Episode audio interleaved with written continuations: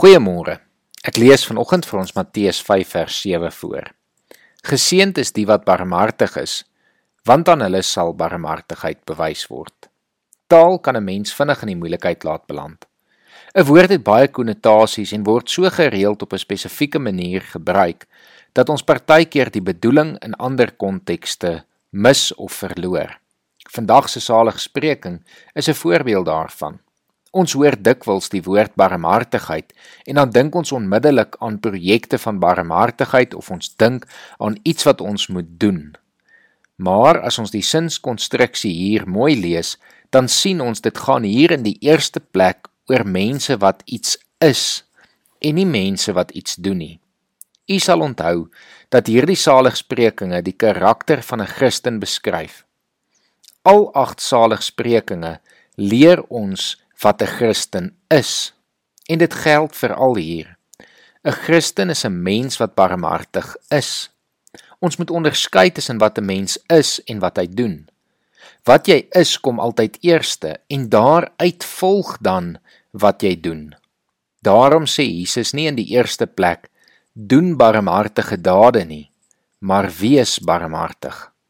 Die verskil is as ek barmhartig is, dan is daar 'n sekere ingesteldheid in my hart en in my gemoed.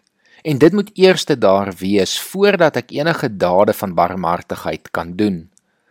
Ons lees van Jesus dat hy die groot skare mense gesien het en dat hulle honger was.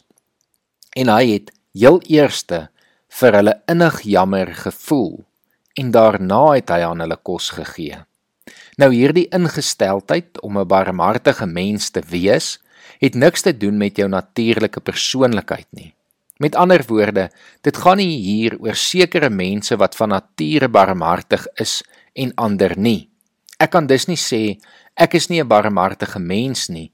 Jammer, dit is nie deel van my persoonlikheid nie. Die saligsprekinge beskryf die karakter van elke Christen. Dit gaan nie oor 'n mens wat uit jouself barmhartig is nie, maar God wat van jou 'n barmhartige mens maak. Maar dit begin by 'n ingesteldheid in jou hart. Maar dit eindig nie daar nie. Om bloot 'n barmhartige ingesteldheid te hê wat God vir jou gegee het, sonder dat daar barmhartige dade uitgroei, beteken niks. In Jakobus 2 vers 15 en 16 staan daar: Sê nou daar is 'n broer of suster wat nie klere het en dag vir dag honger ly. En sê nou een van julle sou vir hulle sê: Mag dit met julle goed gaan. Gaan trek julle warm aan en eet genoeg. Maar julle gee nie aan hulle wat hulle nodig het nie. Wat help dit dan? Miskien help Matteus 25 vers 31 tot 40 ons oor hoe ons prakties ons barmhartige ingesteldheid ook in dade moet uitleef en ek lees dit vir ons voor. Wanneer die seun van die mens in majesteit kom en al die engele saam met hom, sal hy op sy koninklike troon gaan sit. Al die volke sal voor hom bymekaar gebring word en hy sal die mense van mekaar skei, soos 'n wagter die skape van die bokke skei. Die skape sal hy regs en die bokke links van hom laat staan. Dan sal die koning vir die aan sy regterkant sê: Kom, julle wat deur my Vader geseën is, Die koninkryk is van die skepping van die wêreld af vir julle voorberei.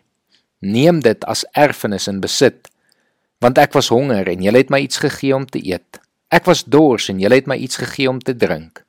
Ek was 'n vreemdeling en julle het my gehuisves. Ek was sonder klere en julle het vir my klere gegee. Siek en julle het my verpleeg, in die tronk en julle het my besoek. Dan sal die wat die wil van God gedoen het, hom vra: Here, Wanneer het ons u honger gesien en u gevoed of dors en u iets gegee om te drink? En wanneer het ons u 'n vreemdeling gesien en u gehuisves of sonder klere en vir u klere gegee?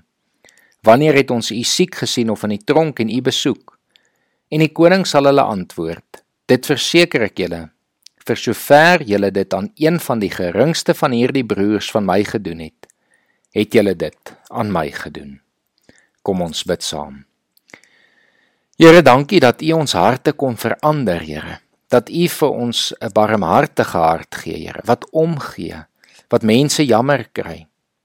Maar Here, dikwels sukkel ons om dan oor te gaan tot dade en daarom kom vra ons U ook, Here, dat U ons vandag hiermee sal help, dat ons aan die geringstes rondom ons sal gee wat hulle nodig het, Here. Dat dit nie net ook oor fisiese behoeftes sal gaan, Here, maar dat ons ook die goeie nuus van die evangelie met elke persoon sal deel. Dankie dat ons dit van U kan vra. Ons bid dit in Jesus se naam alleen. Amen.